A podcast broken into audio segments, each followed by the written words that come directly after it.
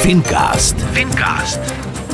Dobrý den, je tu Fincast, pravidelný podcast věnující se aktuálnímu ekonomickému dění a jeho vlivu na finance každého z nás. Cílem Fincastu je, abyste po jeho poslechu byli vždy o něco bohatší. Od mikrofonu vás zdraví vaši průvodci Petr Meškán a se mnou je tu i Jan Schembauer. S našimi experty schrneme a rozebereme nejdůležitější ekonomické aktuality z posledních dnů. Hlavním tématem tohoto dílu bude hospodaření v krizi. A na závěr tradičně odpovíme na dotazy našich posluchačů. Teď krátký přehled důležitých událostí. Fincast. Vláda Petra Fialy za prvních devět měsíců a de facto již po dvou novelách původního rozpočtu připraveného vládou Andreje Babiše neuskutečňuje žádné opravdu viditelné úspory. Nejprve sice seškrtala původní rozpočet Babišovy vlády, ale tyto škrty z velké části bere nyní zpět, když pro letošek počítá rozpočet se schodkem 330 miliard korun na místo předchozích 280 miliard. Zbrojní průmysl nebyl řadu let z investičního hlediska extra zajímavý. To se ale v posledních měsících změnilo díky ruské agresi na Ukrajině. Poptávka po zbraních od té doby roste stejně jako akcie většiny zbrojařských firm, které navyšují svoji hodnotu o desítky procent. Sperbank.cz je v konkurzu a velká část bývalých klientů si to vykládá tak, že už ji nemusí splácet své půjčky. Nesplácených úvěrů je už celá pětina. Insolvenční správkyně Jiřina Lužová ale připomíná, že neplatičům hrozí sankce. Ve hře je teď prodej úvěrového portfolia Sperbank. Aktuální zprávy z ekonomiky teď rozebereme podrobněji ve studiu s naším hostem ze společnosti Finančníci Tomášem Posekaným. Slovo má Jan Schembauer. Fincast.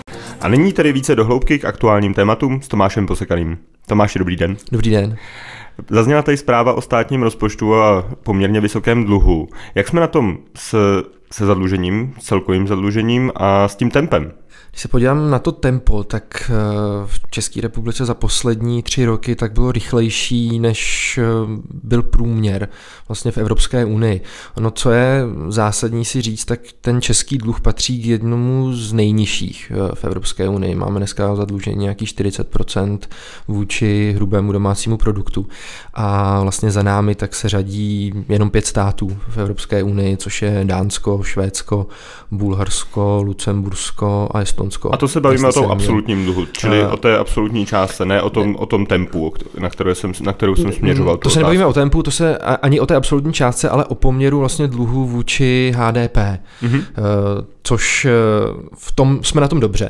Ale pokud se podíváme právě na to tempo růstu, tak eh, ty poslední roky a zejména ten úplně poslední, tak eh, dokonce v České republice tak bylo nejrychlejší z celé Evropské unie. To zadlužování, ten nárůst toho dluhu eh, tady byl opravdu extrémní. A vlastně ten nárůst se počítá ten, ten nárůst to myslíte meziroční? Meziroční, meziroční. meziroční opravdu za, za, za rok 2021 vlivem covidu, vlivem násilí začínající energetické krize. No nejenom vlivem době. covidu, protože i Národní kontrolní úřad řekl, řekl, že ne všechny ty opatření byly vlivem covidu. Oni nebyli vlivem covidu, ale byly vyvolány tím covidem a to, jak se potom teda rozhazovalo eh, ve výsledku, to, že to nemělo nic společného s tím, aby to pokrylo ty výdaje nebo pokrylo ty příjmy, které lidem třeba zmizely během covidu, tak eh, to už je ta druhá stránka věci. Je opravdu některé věci byly hodně neopodstatněné nebo některé ty podpory. Co to znamená pro Česko? Že jsme pátý od konce, co se týká poměru dluhu k HDP, což je super. Bude, což je skvělý, ale na, na druhou stranu máme nejvyšší meziroční navýšení toho dluhu. Co to znamená? Jak to číst? Znamená to to, že v další roky patrně už nebudem pátý od konce, eh, nebo respektive pátý nejlepší, dá se říct v tom poměru, a že se s tím musí něco dělat. Dneska Česká republika tak má zadlužení přibližně 2,5 bilionu korun což je strašná částka a vlastně v loňském, v loňském roce jsme se bavili o zadlužení přes 300 miliard a vlastně o navýšení toho schodku o 300 miliard a letos ta částka šplhá někam 375 miliardám. A pokud to půjde tímhletím tempem, tak se za chvíli budeme moct řadit jako k zemím, kde to zadlužení je výraznější. A nebo na druhou stranu se s tím bude muset začít něco dělat a jako ten čas je podle mě dnes a pokud se to nezačne řešit třeba do jednoho, do dvou, do dvou let, tak budeme mít vážný problém. Ono se to neprojeví. A jaká je ta hned. prognóza toho, když, když bychom udržovali ty dluhy ve stejné úrovni a ten, ten výhled není příliš uh, ambiciozní, co jsem se koukal? No teď ten výhled je takový, že další roky sice se ten schodek má postupně snižovat, ale celkový dluh uh, bude narůstat. To znamená, budeme se bavit o tom, že pokud letos je 375 miliard, v příštím roce to bude 300, pak 250, 230 a postupně no to, to má jít Většinou dolů. ty plány se ale neplní úplně. Je to, za prvé je to plán, ale za druhý to znamená, že ten dluh neustále roste. Pak samozřejmě bude záležet, jak se bude vyvíjet HDP, protože zase pro nás asi není až tak důležité to absolutní číslo jako ten poměr vůči tomu HDP a hlavně kolik stojí ta obsluha toho dluhu. Což dneska se můžeme bavit o nějakých, tuším asi 60 miliardách eh, ročně. A to jsou vlastně jenom ty úroky, to je to, co nás stojí, že ten dluh existuje. A eh, pokud tyhle výdaje se budou navyšovat, tak to bude zásadní problém. Pokud ho budeme, budeme schopni kryt tím rozpočtem, tak pak za mě to bude v pořádku a to zadlužení někde kolem 50% HDP, tak dává smysl. Ještě se vrátím k tomu poměření s těmi evropskými zeměmi. Je to je nějaká prognóza, kde bychom se mohli srovnat na úroveň těch zemí, které byly poměrně problematický v roce 2008, řekněme tomu Portugalsko, Řecko, řecká krize byla... Hmm. Za jak dlouho bychom se mohli dostat na úroveň jejich dluhu, který mají třeba přes 100% HDP? Tam, tam se bavíme i třeba o 200%, dokonce hmm. znamená, i kdyby dva roky vlastně těch státních příjmů vlastně použili, tak dá se říct, že to nikdy nepokryjí. Já si myslím, že k tomu nesměřujeme, respektive ta doba, kdy se tohle může stát, tak je vzdálená třeba i desetiletí a je šance s tím pořád něco udělat. Asi se nedá ta prognoza takhle určit dopředu, že bychom si řekli za 15 let jsme tam, kde, kde je třeba Řecko s Itálií. Ale... A jejich dluhy se v covidu taky navýšily, tyhle z těch zemí podobným způsobem jako, jako ten náš dluh? Ve se navyšují úplně všechny dluhy. Myslím, že pár zemí tam měli výjimku, že došlo ke snížení dluhu, ale u těchto zemí tak se snížil, snížil ten dluh právě v porovnání vůči HDP, kde, jak jsem říkal, že v České republice na poslední tři roky to narůstalo, naopak v Evropě ten poměr klesal. Na druhou stranu ten evropský průměr je nějakých 88%, to znamená, my jsme na polovině toho průměru Evropy, ale zatímco v ostatních zemích se ten poměr snižuje, tak v Čechách stále narůstá. Vy jste řekl slovo obsluha státního dluhu, což znamená to, kolik platíme za to, že si půjčujeme. Mm-hmm. Jak se teď na tom trhu s těmi dluhopisy projevuje aktivita ECB, čili Evropské centrální banky, což znamená, že Evropská centrální banka nakupuje dluhopisy některých zemí. Jak to ovlivňuje celý ten dluhopisový trh? Tak ona nakupuje dluhopisy čistě kvůli tomu, aby vlastně stát měl tu likviditu a uh, mohl nějakou formou fungovat. No, teď poslední roky ta aktivita Evropské centrální banky byla taková, že dokonce nakoupila víc státních dluhopisů, než ty jednotlivé státy EU vydali. Což jak, to, je, jak, jak to dokáže? Uh, nakoupila i ty, které byly vydané jako, před, jako předtím. předtím, už jako v tu chvíli a samozřejmě ten cíl je, aby ty ekonomiky fungovaly. E, nicméně i teď sama, sama Evropská centrální banka tak e, vlastně proklamuje, že začne snižovat to skupování, respektive chtěla by ho úplně pozastavit. Na druhou stranu v září přišla s tím, že vlastně s novým, s novým programem, vlastně jmenuje takzvaný Transmission Protection Instrument, což je takový nástroj, který by měl zabránit tomu, aby docházelo k nějakému velkému rozdílu úrokových sazeb eh, mezi jednotlivými státy. Zjednodušeně řečeno, eh, nechce, aby italské státní dluhopisy nabízely třeba 7% úrok a německé 2%, protože ty ekonomiky potom by se vyvíjely jiným tempem a snaží se vlastně snížit eh, ten spread mezi těmi jednotlivými zeměmi mm, někam třeba k jednomu procentu. Jinými slovy, na jednu stranu říká, zastavujeme skupování dluhopisů a eh, v záhy přichází vlastně s instrumentem, který vlastně má za cíl zase nakupovat státní dluhopisy. Nicméně měly by to být primárně státní dluhopisy těch jižních zemí, to znamená, bavíme se třeba o té Itálii, Řecku, Portugalsku, kde eh, ta krize může mít eh, zásadnější dopad. No, ona americká centrální banka ohlásila něco podobného, že bude odcházet z toho dluhopisového trhu, že, že tomu nechá volný průběh. Co by se stalo, kdyby Evropská centrální banka dneska řekla stop? A už nebudeme kupovat žádný dluhopisy jakýchkoliv zemí. Jak by se to projevilo třeba v úrokové míře? Dokážete to říct? A bylo by to dneska fatální pro ty státy? Tak tam patrně by došlo k tomu, že státy by dál vydávaly dluhopisy, potřebovali by najít kupce, tím kupcem by v úzovkách nebyla Evropská centrální banka, ale byly by to třeba institucionální investoři, byly by to klidně fyzické osoby a jelikož ty státy se postupně zadlužují. Mě by a... zajímalo, k jakým, k jakým úrokovým sazbám by se ty dluhopisy musely dostat, aby, aby na tom trhu uspěly. Jestli dneska... jsem chtěl, chtěl jsem říct, ano? že pokud se bavíme třeba dneska i o spořících účtech, o dalších instrumentech, eh, které jsou schopny nabídnout 6-7%, tak přece jenom dluhopis je vždycky brán jako rizikovější varianta, ač ty státní dluhopisy se pořád považují za minimálně rizikové a ta sazba by prostě musela jít nahoru a můžeme se klidně bavit třeba o 10 o 15%, aby to pro někoho bylo zajímavé. A ono, když se na to podíváme z pohledu třeba českých protiinflačních dluhopisů, které jsou navázány na inflaci, no tak tam už se dneska bavíme o těch dvouciferných hodnotách a e, pro ten stát je tohle strašně drahé a díky tomu ta obsluha toho dluhu narůstá a vzniká další a další zadlužení. Takže budeme doufat, že Evropská centrální banka ještě bude dál nakupovat, aby se tady nestalo nějaké, nějaký krach některých států.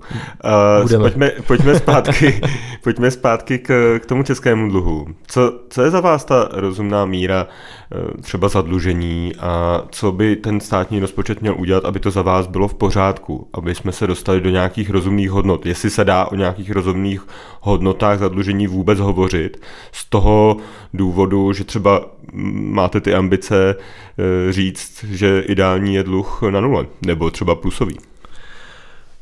Samozřejmě asi ideální dluh je žádný dluh. Nebo přebytek. Nebo, ne, nebo, nebo v tomhle případě přebytek. I když já si myslím, že těch 50% HDP, a, a budu to vztahovat radši k tomu, k tomu hrubému domácímu produktu, než těm absolutním číslům, tak eh, to je asi nějaká ta rozumná hranice, přes kterou pokud by se nám povedlo nejít, tak to bude relativně v pořádku, protože zároveň zvládneme splácet ty naše dluhy, ta obsluha toho dluhu nebude tak vysoká a i když ten celkový dluh může nominálně narůstat, eh, tak eh, nicméně pokud se té ekonomice tomu státu bude dařit, tak těch 50% prostě za mě dává smysl. Posloucháte Fincast.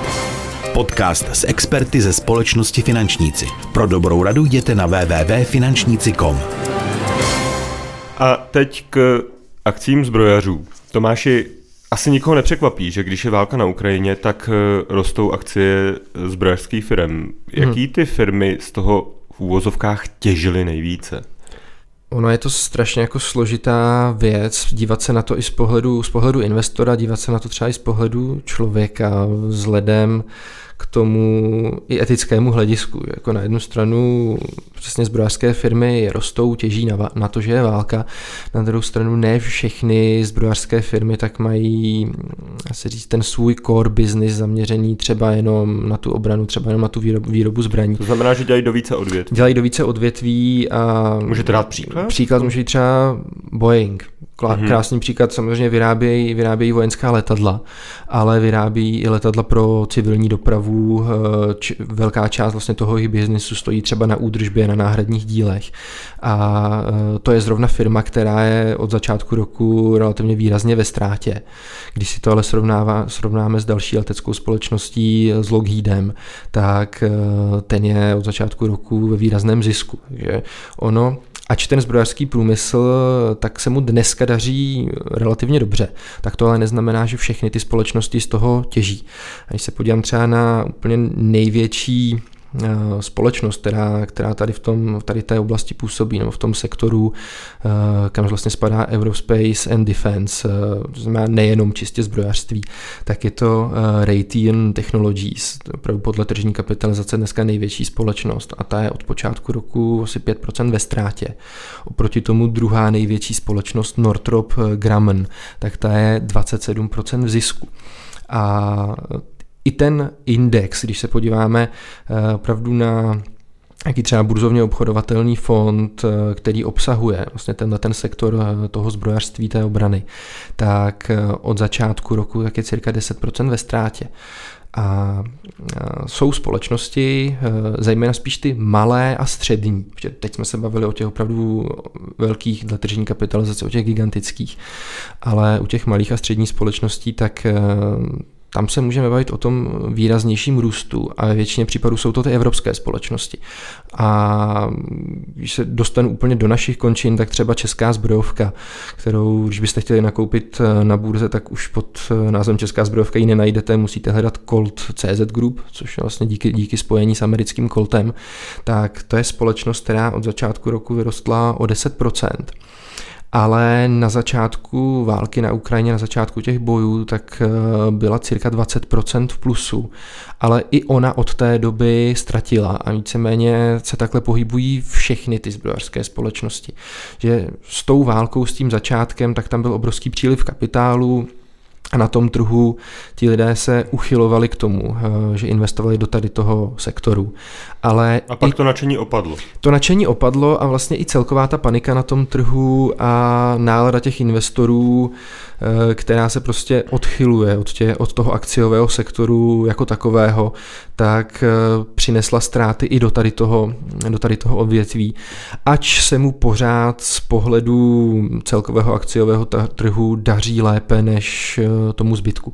To znamená, investice do zbrojařství může dávat smysl z pohledu toho, že dneska, když vyberete správnou společnost, tak vám to může přinést zisk nebo minimálně vám to sníží ty ztráty, ale za mě třeba osobně převládá hodně to etické hledisko a já radši než aby se dařilo jako zbrojařským společnostem a já jsem do nich investoval, tak radši budu, když žádná válka jako nebude.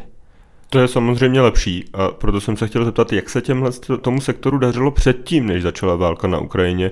Předpokládám, že e, nebyl příliš oblíbený ten sektor mezi investory, obzvláště když tady byla ta ESG nálada, což znamená prostě odpovědné investování. E, jak, se jim da, jak na tom byli předtím, než vypukla ta krize? On není oblíbený právě že z pohledu té etiky. Na druhou stranu eh, je to sektor, který je velice stabilní a má neskutečný přísun kapitálu od státu, protože ty největší zbrojařské společnosti těží hlavně ze zakázek, eh, které jim prostě ty vlády, eh, vlády zadávají a mají vlastně na x let dopředu zajištěn, zajištěn odbyt zbraní, techniky, různých systémů. To znamená, to odvětví fungovalo relativně dobře bylo stabilní a i se mu dařilo. No vlastně vrchol, vrchol ve zbrojařském průmyslu, tak se dá říct, že byl někdy na začátku roku 2020 mm-hmm. a pak ho stejně jako všechny ostatní odvětví zasáhl covid, e, zastavené výroby, celková zase panika na trhu. Takže opravdu můžeme mluvit o tom vrcholu někdy z počátku první kvartál 2020 a x let předtím tak se, tak se tomu trhu, dá se říct, relativně dařilo. Když bych byl klient, který tolik nehledí na to etické hledisko a přišel bych za vámi, že do tohohle z toho sektoru nebo do určité akcie chci investovat, co byste mi řekl? My to klientům nedoporučujeme. My se vždycky snažíme o to, aby ta investice u klientů byla dlouhodobá a byla dostatečně diverzifikovaná a nikdy nedoporučujeme investici čistě jenom do jednoho odvětví a už vůbec ne do jedné konkrétní akcie. Za nás pak je to čistě spekulace a pokud si klient chce zahrát, chce zkusit nakoupit třeba, třeba tu ČZ a doufat, že za další rok mu to vydělá 20-30%, zkusit si to může, ať si ale na to vyčlení nějaký kapitál mimo jeho cíle, mimo to, co on potřebuje v tom, v tom blízkém horizontu třeba plnit. A když o to přijde, asi nepřijde o všechno, ale přijde, přijde třeba o 20-30%, když nastane nějaký propad, tak ať ho to potom netrápí. A myslíte si, že tam nastane propad ve chvíli, kdyby byla ukončená válka? Nebo ty země, které dneska proklamují, že budou nakupovat eh, více zbrojního materiálu, takže to dodrží a třeba i země v rámci NATO budou dodržovat ty 2% HDP, které, které mají směřovat na obranu? No. Jak jsem říkal, tak ten sektor vždycky byl stabilní právě díky těm vládním zakázkám a samozřejmě pokud eh, skončí válka, tak tam se budou prát eh, dva takové faktory. Na jednu stranu eh, ukončení těch bojů přinese ten sentiment a celkové oživení toho trhu, takže akciový trh patrně půjde nahoru, což se v historii xkrát potvrdilo, když byl ukončen nějaký válečný konflikt. Na druhou stranu se může říct, dobře, teď už těch investic do tohoto sektoru není tolik potřeba, takže to může mít vliv naopak u těch zbrojařských, eh, zbrojařských akcí eh, vliv trochu na propad. Nicméně nemyslím si, že by nastal nějaký zásadní, spíš si myslím, že ten sektor se prostě bude vyvíjet dál nějakou formou jako neutrální. A na závěr tu máme Sberbank. Tu jsme probírali i v minulých dílech, ale spíše z opačného pohledu. My jsme probírali ten fakt, že jak se dostat ke svým vkladům. Mm. A teď tady zazněla zpráva o tom, že klienti eh, nes, nesplácejí úvěry. Čím je to způsobeno? Tak ono je to způsobeno tím, že zaprvé tam panuje nějaká nejistota uh, u těch klientů, uh, vlastně co, co bude dál, proč bych měl splácet peníze do společnosti, která vlastně krachuje a ani nevyplácí třeba peníze některým svým klientům. A hodně lidí si podle mě milně myslí, že ty závazky prostě splácet nemusí, nebo že je nějaké období, kdy teď tam ten dluh je a za pár měsíců to třeba koupí jiná banka, tak pak to budu splácet až té jiné bance. Není tam to psychologické hledisko, že klient si myslí, tato banka má tolik problémů, že nebude řešit moje nesplácení? Určitě tam je, i, i z tohohle hlediska e, ta psychologie si myslím, že nějakou formou zafungovala a zároveň tam může být Já to beru i... z toho pohledu, že kdybych měl dlužit nikomu, hmm. kdo má svých problémů dost, tak ho nebudu otravovat ještě Říkala, nějakýma oni, svýma splátkama. Oni na mě nepřijdou no. potom třeba. jo, já si myslím, že to tak může být a může to být klidně i tou formou, že si lidé říkají, jako prostě proč bych jim tam posílal peníze, oni podporují ten ruský režim a to já nechci tak, eh, tak tam prostě nic nepošlu. Jo, problém nastává v tom, že ta banka prostě ale bude vymáhat ty peníze zpátky, eh, bude chtít po těch lidech, aby ty svoje závazky No na to jsem se chtěl zeptat, a... co, co teďka hrozí reálně těm dlužníkům a v jakém časovém horizontu? To, že jejich podíl zrostl na, řekněme, necelou pětinu, tak eh, co jim hrozí a za jak dlouho? Mm-hmm.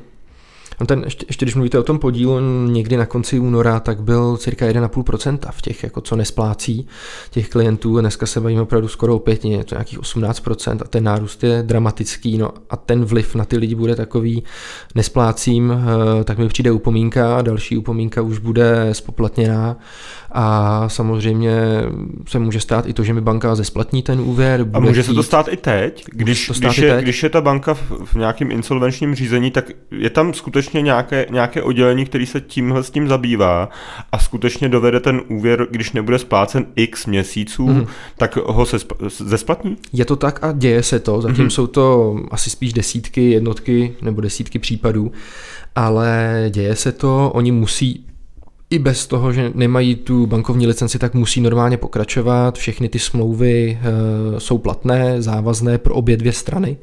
To znamená, pokud klient nesplácí, tak prostě pokud tam mu přijde za to nesplácení, může mít nějaké úroky z prodlení a může dojít i k tomu zesplatnění, nebo pokud klient tam má třeba hypoteční úvěr, tak v nějakém horším případě i k zabavení nemovitosti.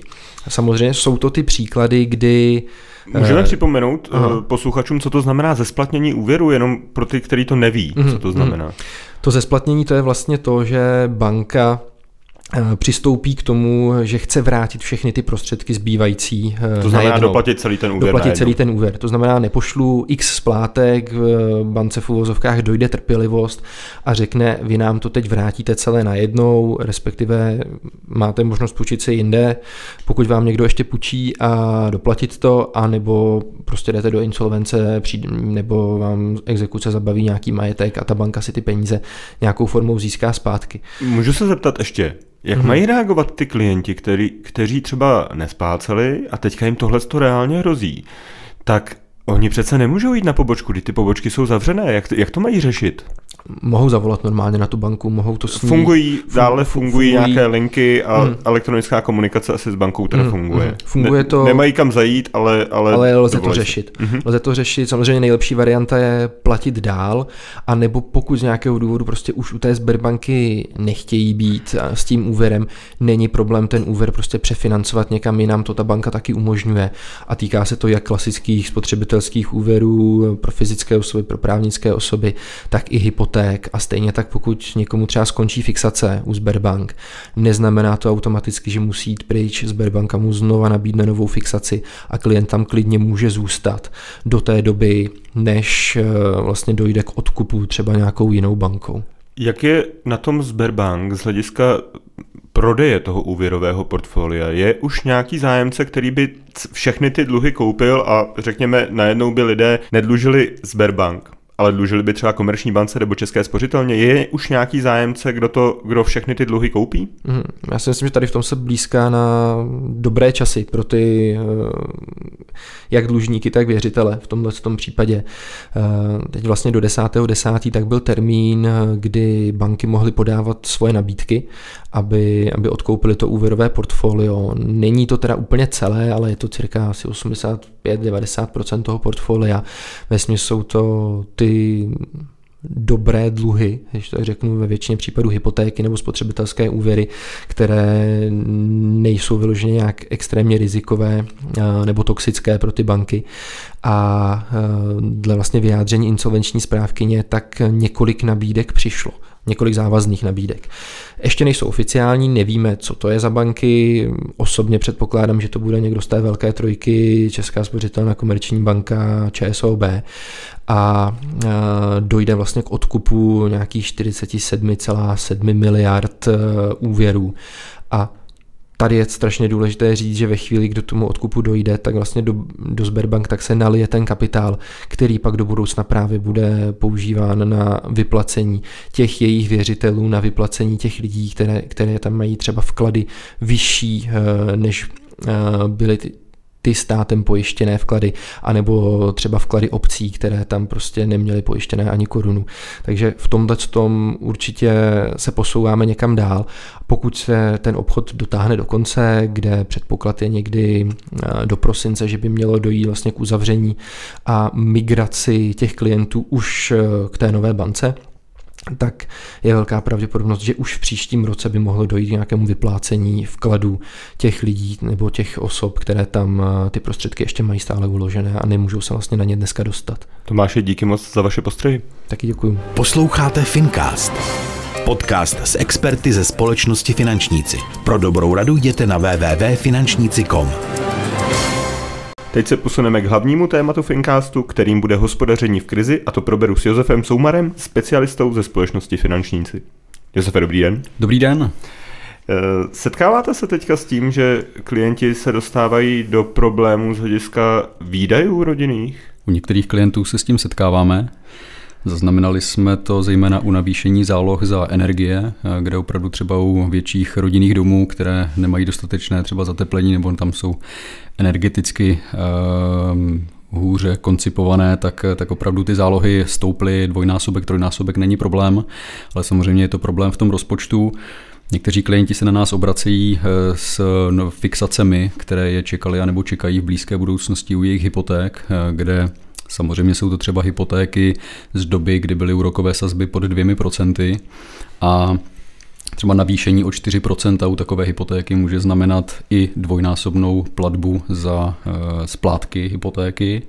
Někteří lidé, kteří bydlí v nájmu, tak to je spíše okrajové, tak se na nás obrací s tím, že dochází i k navyšování e, vlastně toho, e, těch plateb za nájem, ale myslím si, že smrtelná pro ten rozpočet může být právě ta kombinace té současné situace. To znamená, že eh, fixace hypotéky, do toho navýšení cen za energie, do toho případně ještě nájemné a myslím si, že nemálo lidí začíná mít i oprávněnou obavu o budoucí příjmy. To znamená, jak to bude se zaměstnaností dál. S jakým nejhorším scénářem jste se třeba setkal? Může to být jako konkrétní v tom smyslu, o kolik tisíc byly třeba navýšení nebo o kolik procent bylo navýšení toho rodinného rozpočtu? Z hlediska toho, kolik to stálo, řekněme, před rokem a kolik to stojí dneska, aby jsme byli, aby jsme byli v obraze, jak, jak to může být i eh, vysoké to navýšení. Z 50 tisícových nákladů rodiny jsme se dostali na 75 tisíc. Splátkou hypotéky, navýšení eh, za záloh za energie a touhle kombinací, kterou jsme řešili. To znamená, ta rodina z 50 tisíc nákladů dneska bude platit a platí 75 tisíc měsíčně. Jaký tam byl ten podíl největší? Co vzrostlo nejvíc z těch 50 tisíc, co tam udělalo v úvozovkách tu největší sekiru? Eh, bylo to půl na půl a je to kombinace fixace hypotéky, to znamená z 1,8% dneska na nějakých 6,19% a plus navýšení energií eh, minimálně o dvojnásobek. Toho, Takže to se asi pravděpodobně bavíme o rodinném baráku, který je vytápěn na plyn, jestli se nepletu. Je to tak. tak co jste poradil tako, této rodině, eh, kde se může omezit a jak, eh, jak s tím má naložit, když se jí takhle radikálně zvýší ty, a tady bychom mohli mluvit i třeba o Praze, kde, hmm. kde jsou ty hypotéky taky dost velké, hmm. tak tam asi budou podobné scénáře. Tak eh, kde se ta rodina může uspořit? Eh, nejen tahle rodina, ale myslím si, že každý člověk, který se dostane do té situace, tak má podle mého názoru ve skrze čtyři možnosti. Tou první možností bych řekl, že je okamžitě snížit a revidovat pravidelné výdaje. To znamená podívat se do toho rozpočtu, co mi tam běží, za co platím, snažit se s tím něco dělat, pokud je to možný. V druhém kroku může navýšit příjmy, to znamená, že ta rodina může říct eh, buď, že stávající zaměstnavatel připojí se k odborové stávce a, zkusí tam prostě dostat eh, peníze od stávajícího zaměstnavatele nebo si nějakou brigádu eh, a práci vezme navíc, nebo změní zaměstnání, které je lépe placené, takže zaměřuje se na tu příjmovou položku. Eh, třetí možností je, že třeba pozastaví některé platby, které může v tom rozpočtu pozastavit. Samozřejmě dalo by se říct, že je to ta varianta jedna jako revidovat ty pravidelné výdaje, ale tady se bavíme o tom, co opravdu může zastavit, eh, co, co nemusí platit třeba zejména z finančních produktů. A tou třetí, tou čtvrtou záležitostí, promiňte, je, že konkrétně tahle rodina zapojila rezervu. To znamená, že tahle rodina teď ví, že během eh, jednoho a půl roku pravděpodobně vyčerpá svoje likvidní rezervní prostředky. S čím se setkáváte? Jaké ty klasické měsíční platby lze snížit nebo zrušit? Je to hodně individuální. Eh, někdo přestane chodit třeba cvičit s trenérem, eh, někdo přestane utrácet za bary a alkohol, eh, někdo třeba zruší nějaký předplatný. Spousta lidí si, co jsem zaznamenal, ale nejsou to třeba naši klienti, ale toho, co vidím v běžném životě, že si začala vařit obědy do zaměstnání doma. Prostě nechtějí, nechtějí dávat peníze 200 korun denně za, za oběd v zaměstnání, takže se snaží. To může být třeba 4 tisíce v rodinném rozpočtu. Přesně tak, to může být. Samozřejmě oni něco vydají za to, že si to doma uvaří, ale můžou tam ušetřit i tisíce korun. Takže eh, je to u každého eh, individuální, ale řekl bych, co je důležité, zaměřit se na zbytné výdaje. To znamená, pokud někdo má kvalitně sestavený rozpočet, tak aby se podíval na svoje zbytné výdaje. To znamená, jsou to výdaje, které může v krizovém období snížit, které prostě, když přijde krize eh, na jeho rodinný rozpočet, a ta nemusí přijít jenom v krizovém roce, kdy je hospodářská krize, tak krize člověka, na člověka může přijít individuálně ve vztahu eh, k jeho příjmům, k jeho zaměstnání, k jeho zdraví, tak eh, okamžitě revidovat právě ty zbytné výdaje, mezi které třeba patří, když se mi dobře daří, užiju si dovolenou ne za 40, ale za 70 tisíc. Eh, když peníze mám, chodím běžně do restaurace. Eh, když peníze mám, tak chodím na koncerty a další věci, ale označuju je ve svém rozpočtu jako výdaje zbytný, to znamená, že jsem připraven v době krize za tyhle věci ušetřit. Zajímalo by mě, jestli ti lidé, kteří třeba utrácejí za ty bary, jestli se vám k tomu přiznají a jestli to vy poznáte v tom rodinném rozpočtu, jestli, jestli zjistíte, že tam, protože tohle je taková položka, za kterou bych se třeba styděl, mm-hmm. takže nevím, jestli bych vám ji řekl. Takže jestli se k těmhle s těm položkám, jestli máte takovou důvěru klientů, že, že dokážete snížit i ty položky, za které se člověk trošičku stydí. A vy byste se přiznal? To nevím. Možná, kdybych vás znal už jako delší dobu, tak asi jo. Jo, je to tak. Eh, někteří lidé prostě řeknou, že třeba zejména na cigaretách se snaží ušetřit, ale je to hodně těžký. Vemte si, když jste zvyklí eh, jít do baru a dát si každý večer pivo a k tomu si venku zapálit cigaretu, tak eh, ne každý může mít tyhle výdaje označený jako zbytný. Jo, prostě pro někoho je to nezbytný výdaj a on u něj prostě nejede vlak a na těchto z těch záležitostech ani šetřit nechce. Mě jde o to, jestli vy potom vstupujete do toho, do toho vztahu s klientem tak, hmm. že mu řeknete, že ale tohle z toho zbytný výdaje jsou. Jestli má tu potřebu udržet ten rodinný rozpočet, tak jestli, jestli jste tak tvrdý, že mu tohle to řeknete. Eh, ne, nám se tohle nestává ale kdyby za mnou přišel klient, kde bych viděl, že se blíží už eh, insolvenci a, a vlastně řekněme o tomu osobnímu krachu toho rozpočtu, tak bych mu to řekl. Ale necháváme tam eh, to legitimní rozhodnutí na tom člověku. Mm-hmm. Obecně lidé si neradi ukrajují ze svého standardu. To si myslím, že uh, může platit dlouhodobě, protože všichni chceme mít každý rok trošičku víc a hmm. dovolit si tu lepší dovolenou. Jaký jsou vaše zkušenosti s tím, jestli dokážu, dokáží ti lidé uh, snížit třeba, nebo nejet na tu dovolenou, hmm. odepřít si to, protože zrovna to měsíčně nevychází. Řekněme, měsíčně jsme buď na nula, nebo lehce mínus, ale máme nějaké rezervy, takže víme, že to pokryjeme, ale na dovolenou nepojedeme. Setkáváte se s tím? Když sedím v kanceláři jenom s muži, kteří jsou třeba i eh, v rámci toho finančního rozpočtu silnějším hráčem na poli příjmů, tak ty pánové často říkají, že by si dovolenou odpustili, ale ty ženy by jim to už pak neodpustili. Eh, takže je to, je, to, je to i diplomatická hra na poli toho osobního eh, rozpočtování ale vnímám to, že lidé se více zaměřují na to, za kolik by tu dovolenou mohli sehnat třeba ve stejném standardu. To znamená, že ti lidé se začínají dívat po srovnávačích, začínají zkoumat ty ceny a dívají se na to, kolik je ta dovolená eh, vyjde.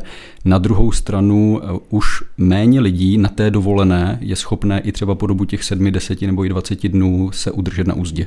To znamená, lidé velmi často řeší, eh, kolik ta dovolená stojí, ale už méně řeší, kolik na ní utratí. A myslím si, že Eh, kdyby se řešili obě ty nádoby, že by mohli ušetřit ještě výrazně víc.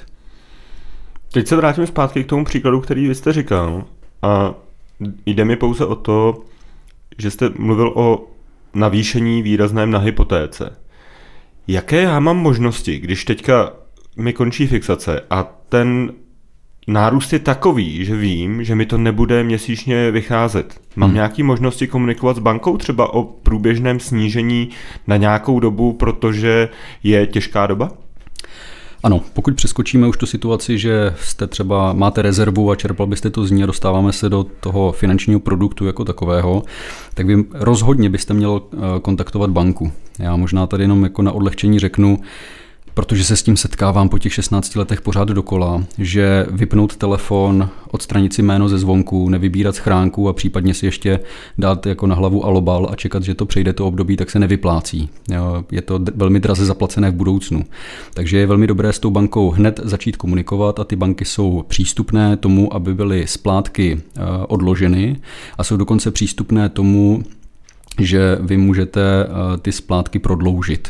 Samozřejmě technicky eh, za to je to na delší povídání, ale rozhodně bych doporučil lidem, aby tu situaci řešili hned, jak se svou bankou nebo se svým poradcem. No tohle delší povídání by mě právě zajímalo. Jak, jak technicky za to můžeme prodloužit? To znamená, že třeba nám zbývá 25 let hmm. do, do placení a my to prodloužíme na 30 a tím pádem získáme tu měsíční úsporu? Takhle chápu to správně? Chápete to správně. V tomhle konkrétním případě z těch 25 na 30 eh, se domnívám, že u standardní výše hypoték, které jsou v České republice, by se to ani vyplatit nemuselo, eh, protože je potřeba si říct, eh, zda by k tomu došlo za úrokové sazby, kterou máte fixovanou. Pokud máte hypotéku na 10 let a jste v půlce a máte tam dneska 2,5%, tak bych vám ten krok nedoporučoval, pokud by vám banka řekla, že vám to samozřejmě prodlouží po těch pět let, ale za novou úrokovou sazbu ale s tou bankou můžete jednat o odložení splátek a můžete jednat o mnoho dalších věcí, které, které ty banky dneska dokážou. Takže pozor na to, aby to zase nevyznělo dogma z mých úst, nevždy se to vyplatí, je potřeba to prostě spočítat.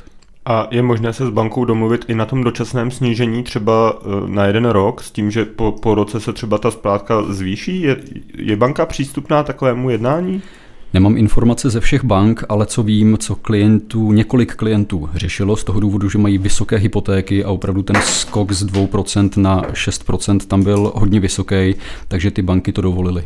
Domluvili se, je to individuální domluva, tím zase neříkám, že se jedná o nějakou paušální záležitost, kdyby některému z posluchačů se to nepovedlo. Mně šlo o to, jestli se s bankou o tom vůbec jednat dá a jestli takový příklady vůbec jsou, takže jsou a to jsem za to rád. A já bych řekl, že jednat se o tom musí, mm-hmm. protože pokud s tou bankou nejednáte, tak ona za váma sama nepřijde a nezaklepe. Uh, prosím vás, vy to asi nezvládáte, my bychom vám chtěli pomoct, takhle to prostě nefunguje.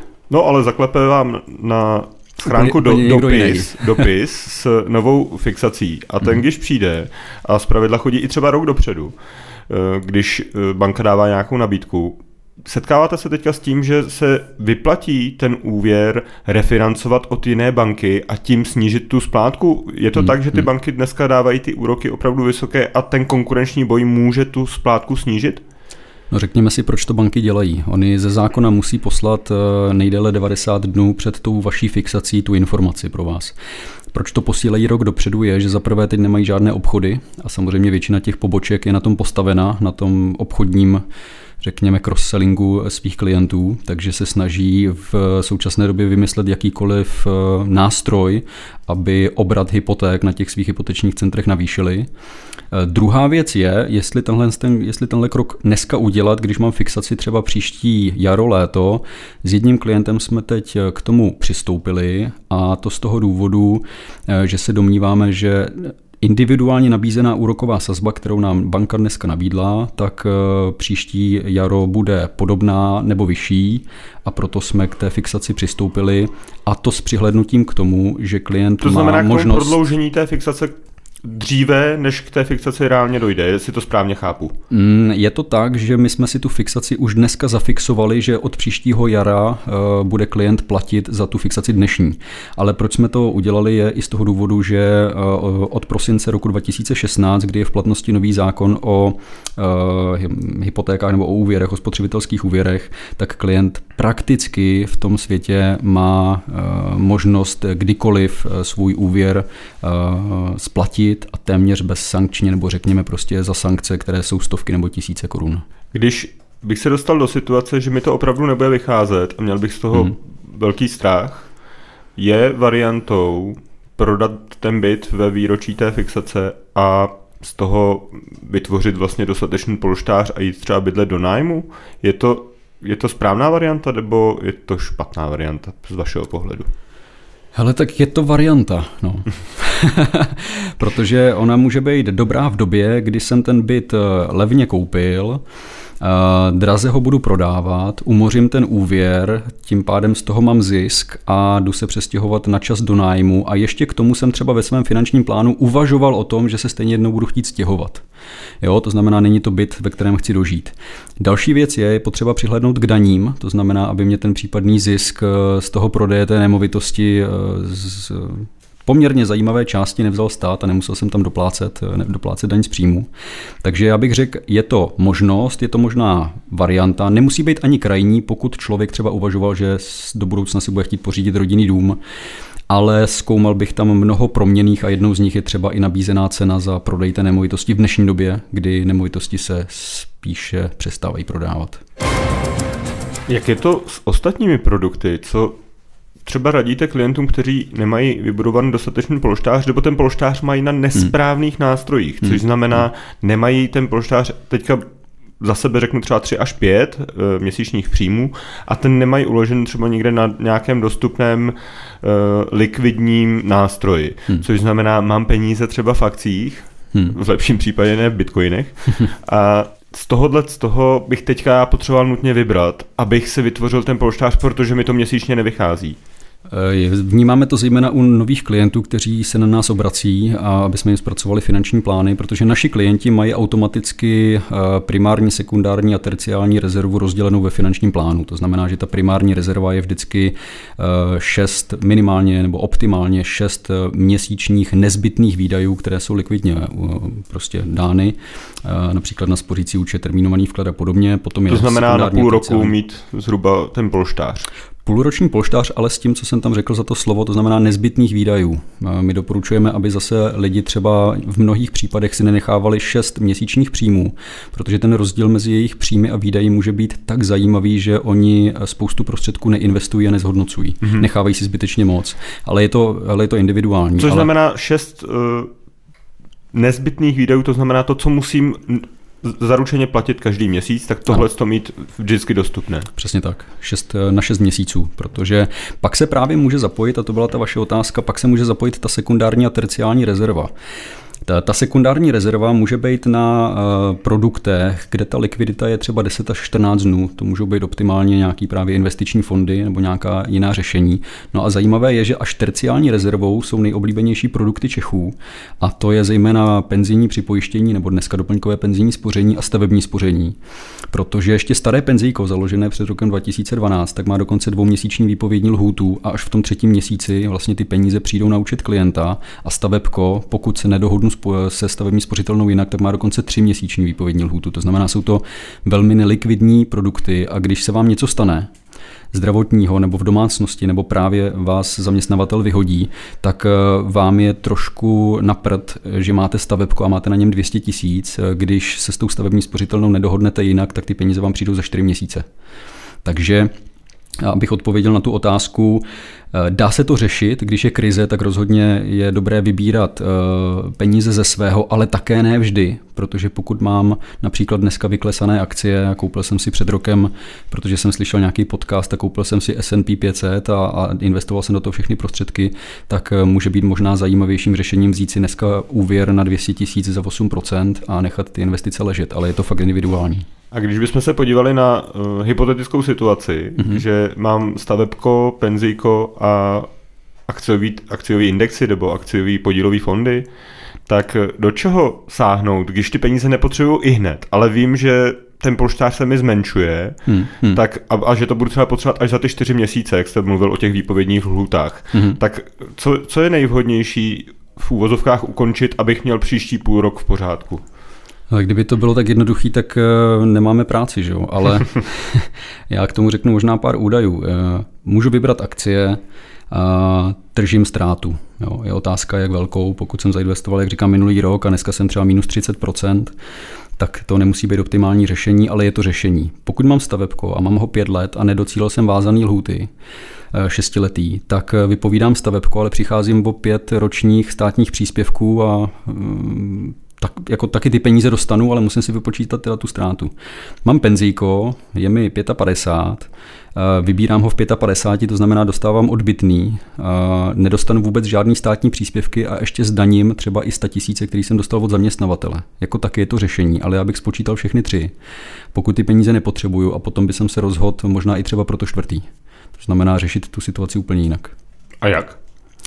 Ale já, možná, že to bude kontroverzní ve Fincastu, ale kdybych to spočet, tak opravdu tím řešením může být uh, použít vlastní rezervu, která je likvidně dneska uložena za nějakých 5-6% na spořícím účtě a vyčerpat jí.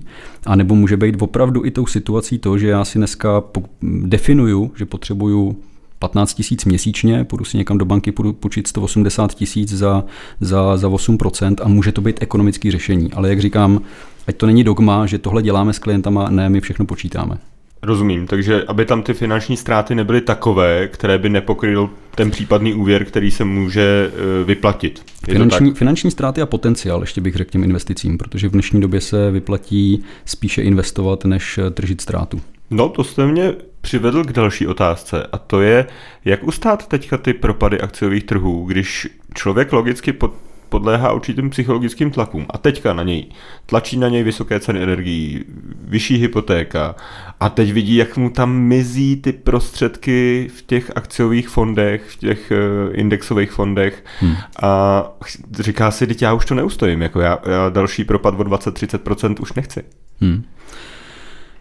Většinou to budou lidi, eh, podle mého názoru, kteří nemají investiční plán a nemají investiční cíl. To znamená, přesně takhle se na ty investice dívají. To znamená, mizí mi tam peníze. Ty peníze nemizí, prostě ta, ta hodnota těch podílových jednotek, pokud mám podílové fondy, nebo ta hodnota těch jednotlivých akcí, dluhopisů, prostě má nějakou danou hodnotu, která v rámci toho hospodářského cyklu, který teď zažíváme, tak je prostě takhle ohodnocená. Pokud má někdo před sebou 10-20 let investičního horizontu, tak to minimálně ještě jednou zažije. To znamená, že to, co teď zažívá, tak ať se učí, protože ještě třeba za 10-15 let znova tuhle situaci zažije. Je to normální, každých 10, 12, 15 let se tyhle situace opakujou.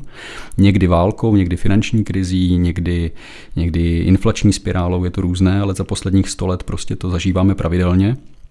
A e, jinak bych doporučil se na to co nejméně dívat, pokud je to možný, nedívat se na to denně, protože pokud investuju na 20 let nebo investuju na 10 let, tak, e, tak to nepotřebuji sledovat denně. E, někdy ty akcie mají takovou nevýhodu, nebo cené papíry obecně mají nevýhodu, že vlastně vy tu jejich hodnotu vidíte každý den, proto vám potom někde přijde nabídka, ať si koupíte zlato a vy se podle mého názoru potom doma nedíváte, jestli to zlato má dneska je 1700 za unci a zítra je 1800 a potom je 1600, prostě takhle to nesledujete. Takže to je někdy nevýhoda těch akcí nebo těch, těch obchodovaných cených papírů, které vy máte nakoupené, že vy tu eh, hodnotu vidíte pořád. A proto bych doporučoval nedívat se na to tak často, anebo to řešit vždycky s odborníkem, protože v téhle části práce, oproti té rozpočtové, o které jsme se bavili na začátku, tak eh, ta naše funkce investičních poradců eh, v tom směru, že klienta uklidňujeme a připomínáme mu, na co ty peníze jsou a že může zapojit případně jiné prostředky a jaké má další možnosti, tak si myslím, že je velkou přidanou hodnotou. A tady se k tomu vyjadřujeme opravdu už tak, že, že to ekonomické řešení není eh, vybrat třeba vyklesané akcie, když má před sebou ještě dlouhý horizont. Dostanu se k daleko pozitivnějšímu příkladu. Mm-hmm. A mhm. to je příklad toho, že sice držím nějaké akciové tituly, nebo akciové indexy, nebo akciové fondy, to je jedno. A do toho mi skončilo stavební spoření. A to stavební spoření teďka, já nejsem, nejsem v těch problémech, o kterých jsme mm-hmm. hovořili, s tím hospodařením vlastně v pořádku pokryju ty měsíční výdaje, e, železnou rezervu mám a teďka mi přichází nějaká, nějaké statisíce ze stavebního spoření a mám hrozný nutkání využít toho, že teďka mi poklesly ceny těch akcí. Jak s tímhle s tím příkladem nakládáte a je, je, jak, co doporučujete těm klientům? A já už asi budu jako hodně trapnej, když tady řeknu, že by bylo dobré, abyste měli i vážení posluchači prostě investiční plán, abyste věděli, na co ty peníze vlastně budete chtít v budoucnu použít. Pokud chcete jenom zaspekulovat a jste připravený, že třeba z půlky o ty peníze přijdete, to znamená, že ta krize je na vrcholu teprve v, tom, v té fázi, že ještě bude pokles další 30% a stát se to klidně může, tak eh, pak OK, pak zaspekulovat můžete, ale musíte být připraveni na to, že od část těch prostředků Teď Ve se, chvíli, kdy je vyberete, přijdete. Jestli, ale pokud... jestli můžu hovořit, ano. o, teďka je to, je to prostě můj bonus, který já nemám s ním žádný plán, klidně můžu ho postrádat 10, 10 let. Tak jak s ním naložit, když mám určitou částku, tak mm-hmm. jestli to třeba mě, mě jde i o to, jestli třeba to nerozdělit do nějakých zpátek a nevyužívat e, nákupů v různých e, měsících. Chápu. To je otázka, jestli, jestli ty finance rozložit, e, protože to časování trhu se v historii mnohokrát neosvědčilo. To znamená, že lidé s, takhle, já to vezmu obecně. Pokud dneska, a řešili jsme, přijde eh, klient, má 2 miliony korun, eh, má investiční portfolio, to znamená, on už ten cíl má, tak my doporučujeme tu splátku těch 2 milionů třeba co kvartál rozložit do třech investic. Jo. Tam, tím nemů- tam tím nečasujeme trh eh, v tom směru, že bychom čekali na nejvýhodnější období, protože my ho neznáme. Kdyby jsme ho znali, tak, tak nesedíme tady u Fincastu a pracujeme někde jinde ale v druhém hledisku ani to nerozkládáme jako někteří klienti. Já jsem tu otázku asi špatně pochopil, protože někteří klienti přichází a mají, říkají, mám na stavebku 150 tisíc, začnu teď posílat tisíci korunů do těch investic a takhle ji tam můžu posílat 10 let. A my říkáme, dobře, a kde bude ten zbytek těch peněz? No to budu mít na účtu. Jo, tak v tomhle tom případě samozřejmě se to nevyplácí, protože to složené úročení by pracovalo pro toho klienta nejvíc v tom devátém, desátém roce. Určitě a taky jde o tu morálku toho, že máte víc peněz na účtu, takže potom s velkou pravděpodobností by to nevydrželo na celých těch deset let. Ano, první půl rok se usmívá, no. už ne, no, takže, jasně. Pojďme se vrátit k té železné rezervě. Mm-hmm. Upravujete nyní tu výši té železné rezervy, toho, co by člověk měl mít dostupný. Vy jste hovořil o šesti měsících nutných výdajů. Mm-hmm. Upravujete to nyní s klienty vzhledem k tomu, že se asi pravděpodobně ty nutné výdaje zvyšují? A o jaký, o jaký nárůsty se jedná třeba? Ehm, my tohle máme univerzálně těch šest měsíčních nezbytných výdajů, ale je potřeba říct, že my investiční a finanční plány děláme vždycky na míru, takže někteří naši klienti už od začátku mají třeba roční příjmy jako rezervu a je to proto, že jsou OSVČ, mají třeba zaměstnance a to riziko, eh, ke kterým může dojít, je mnohem větší a když by k tomu došlo, tak oni budou potřebovat zapojit eh, mnohem větší nominální částku. Eh, ale Obecně můžu říct, že ty klienti, kteří mají a děláme servisy pravidelně dvakrát ročně s klienty, tak kteří měli nastavené rezervy, tak ty rezervy vlastně fungují. To znamená, je to Dá se obecně říct, že člověk nic neskazí tím, že bude mít 6 měsíčních nezbytných výdajů. Když bude mít na účtu 6 měsíčních příjmů, taky nic neskazí v tom rizikovém období, protože má víc peněz, ale může to trošku skazit v těch třeba 9-10 letech, kdy má prostě uloženo na běžném účtu pod inflačně zhodnocovaném víc prostředků, než musel. Ale neděláme v tomhle žádné změny, to znamená, že bychom dneska klientům říkali, že je potřeba tohle navýšit, tak neděláme, protože vlastně ta krize se prozatím investičně i finančně vyvíjí standardně. Což znamená, že nenavyšujete ty, tu železnou rezervu v současné době? Nenavyšujeme a taky u mnoho klientů není z čeho. A když je z čeho, což znamená, eh, jak se podle vás budou teďka, vy jste úplně na začátku říkal, že určitým řešením je eh, změna oboru nebo navýšení, hmm. navýšení mzdy nebo hm, přidání, řekněme, je, jak, jak se budou podle vás vyvíjet ty mzdy a je teďka, ten správná, je teďka ta správná chvíle přijít za svým zaměstnavatelem a říct mu, hle, mně se tady navýšily ceny plynu a já bych potřeboval víc. Je to, je to správný řešení teďka? Já teď možná naštvu některé naše klienty, kteří jsou zaměstnavatele, ale z pozice zaměstnance eh, dojít si v současném období se zeptat na to uh, přidání mzdy je na místě. Kdy jindy, když ne teď. Eh, co se týká ale těch firm, jestli na to budou mít eh, a jestli, jestli k tomu přidání dojde, tak to je velmi individuální, protože třeba technologické firmy, kde eh, ty, ty náklady jsou stále třeba stejné, řekněme, rostou náklady třeba za kancelářský prostory a samozřejmě za, za energie, tak si myslím, že ale budou mít mnohem větší polštář k tomu těm svým zaměstnancům přidat. Ehm, na druhou stranu třeba řekněme si u pekáren u, nebo v hospodářství nebo v průmyslu to přidání může být problém fatální pro tu společnost. Takže už mnohokrát v historii se stalo, že odbory uh, si brutálně vydupaly 15% pro ty zaměstnance, ale už trošku nedomysleli, že pouze na půl roku protože prostě za půl roku muselo přijít masivní propouštění. Když eh, v té ekonomice do jednoho eh, toho kolečka cvrnknete, tak tím samozřejmě roztočíte eh, ten zbytek toho orloje a potom je na konci to o tom, jestli na vás vykoukne smrtka nebo zazvoní zvoník. A to si myslím, že je v tomhle tom případě jaký důležitý, že úplně slepě bych se nebyl za všechny odbory, prostě posuzoval bych a díval bych se na tu ekonomiku. Ostatně všechny firmy, ve kterých zaměstnanci pracují, musí ze zákona zveřejňovat hospodářské výsledky a to, jak se jim daří, takže stačí se podívat, v jaký situaci ta jejich firma je. Eh, vy jste z Písku, tam je docela silný automobilový sektor, hovořil mm. jste také o průmyslu. Myslíte si, že zrovna v tomhle tom sektoru je prostor pro to si říct o vyšší mzdu? Eh, hovořím o tom z toho důvodu, že asi pravděpodobně potkáváte klienty z řad eh, těchto firm, z toho automotiv mm. sektoru. Ten písek je specifický, ještě možná uvedu v tom, že my tam máme hodně zahraničních pracovníků na těch běžných zaměstnaneckých pozicích a písečáci jsou tam třeba hlavně, ale tím nechci schazovat, eh, eh, hlavně třeba na těch manažerských pozicích, ředitelských nebo na těch vedoucích pozicích. A co se týká těch firm, tak jsou velmi různorodé, protože některé mhm. vyrábí prostě eh, plastové komponenty blízko motorů pro nějaké konkrétní značky a souvisí to s tím, jak ty značky třeba zase potom nemají čipy, jak, jak na tom ty firmy jsou. Ale nechci zabředávat úplně do, do, do důsledků. Chci tím říct, že i přesto, že se na tu průmyslovou zónu v Písku podíváme, tak každá ta firma na tom může být jinak a některá si bude moct dovolit přidat 10%, jako se tomu třeba teď stalo, a některá k tomu přistoupit nemůže i ke zlobě těch zaměstnanců, protože je potřeba si uvědomit, že oni taky už potom za půl roku zaměstnanci té společnosti být nemusí. Radí Josef Soumar ze společnosti Finančníci. Josefe, díky moc za rozhovor. Děkuji moc. Posloucháte Fincast. Podcast s experty ze společnosti Finančníci. Pro dobrou radu jděte na www.finančníci.com. A v poslední části Fincastu se budeme krátce věnovat nejčastějším dotazům našich posluchačů. První otázka. Známá mi doporučila nakoupit NFT přes jednu americkou společnost. Prý budu dostávat zhodnocení 10% měsíčně a vypadá to dobře. Mám do toho jít? Se ptá naše posluchačka. Tomáš odpovídá. Vypadá to dobře. Jako 10% měsíčně se zdá super, ale možná, že až moc super.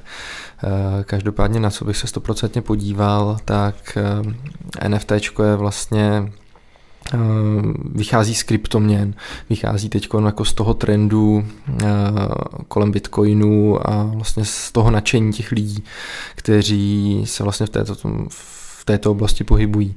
A to NFT vždycky je něco za ním. To znamená dívat se na to, jestli je za ním hodnota v podobě nějakého obrázku, eh, která mi vlastně, a to NFT mi vlastně dává autorská práva k tomu, abych ho vlastnil a prokazuje to moje vlastnictví, nebo je zatím třeba podíl na nějaké firmě, nebo na nemovitosti, nebo nějaká jiná, ať už movitá nebo nemovitá věc. A to je to podkladové aktivum. Na to bych se asi měl primárně zaměřit. A pokud zatím stojí něco, co dává smysl, co mi může opravdu ten zisk do budoucna přinést a klidně mi to vydělá těch 10% měsíčně, tak, tak je to skvělý. Eh, ze zkušenosti, když je něco takhle skvělého, tak eh, postupem času zjišťujeme, že to tak skvělý není a nejčastěji narážíme na to, že takovéhle projekty jsou postavené třeba na Ponziho schématu, eh, jsou to prostě letadla, hmm. kde klientům jsou slibovány obrovské výnosy, i takhle třeba měsíčně vyplácené a oni jim třeba první, druhý, třetí měsíc opravdu ty výnosy přijdou, ale je to postavené na tom, že tahají další klienty, anebo tam vkládají další peníze a buď ty prostředky jsou vypláceny z těch jejich původních vkladů, anebo z vkladů nějakých dalších středatelů. Nehledně na to, že pokud se podívám eh, na to, že mám autorská práva k nějakému obrázku, jako stojí něco vůbec takový obrázek, eh, koupí ho ode mě někdo jiný. Jo, je, je to NFT třeba burzovně nebo na nějaké kryptoměnové burze obchodovatelné? To záleží na tom, od koho to NFT to přes, je přesně a jestli tak, ten umělec je nějakým způsobem etablovaný, hmm. předpokládám, eh, tomu už jsme se párkrát věnovali. To je mimochodem zajímavé téma, teda nechtěl jsem vám do toho skákat. Jo, úplně, úplně v pořádku. Tady za mě je asi nejdůležitější říct, jestli tam ta hodnota zatím je hmm. a jestli je vůbec šance potom následně to někdo pro, někde prodat. Jestli hmm. existuje buď nějaká burza nebo nějaká protistrana, která to případně vykoupí koupí a hlavně za kolik, protože pak jsem si taky možná jenom koupil drahý obrázek. A už existují i experti na NFT obchod s uměním, mm. takže lze se možná obrátit i na ně. Asi ideální varianta. Že jo pokud jde teda o umění NFT, nebo v NFT. To byla první otázka, díky Tomáši. A druhá uh, zní Adena Josefa. Poradce mi nabízí zrušit stávající životní pojistku rodiny a založit novou, která bude stát o tři stovky měsíčně méně. Pojistné částky zůstanou stejné. Mohu takhle ušetřit? Ušetřit takhle můžete, ale taky si můžete zadělat eh, na velký problémy do budoucna. Protože pokud eh, přistoupíte ke změně životní pojistky, tak si musíte uvědomit, eh, že tam máte určité lhůty, eh, o které můžete přijít. Eh, dále je potřeba podívat se na pojistné podmínky a na výluky z pojistných podmínek. To znamená, vy už nemusíte být v budoucnu pojištěn na to, eh, na co jste pojištěný byl. Například velmi často se skloňují výluky na bolest zad u některých pojišťoven ještě i v dnešní době. Takže můžete ušetřit dneska tři stovky, vypadá to jako docela dobrý nápad, ale taky v budoucnu nemusíte 3 miliony dostat. A to se nevyplatí. A to se nevyplatí. Já jsem teď někde zaregistroval tuhle tu eh, starou okřídlenou reklamní hlášku. Eh, říkají naši experti, eh, Josef Soumar, Tomáš Posekaný. Panové, já vám moc krát děkuji za cené rady a těším se zhruba za 14 dní na další díl Fincastu. Naše posluchače zdravíme a doufáme, že náš pořad, tedy podcast, přispěl k tomu, že budete zase o něco bohatší. Díky a naslyšenou. Naslyšenou, díky. Fincast. Upozornění. Nejedná se o investiční rady. V případě zájmu o poradenství nás hledejte na finančníci.com. Fincast. Fincast.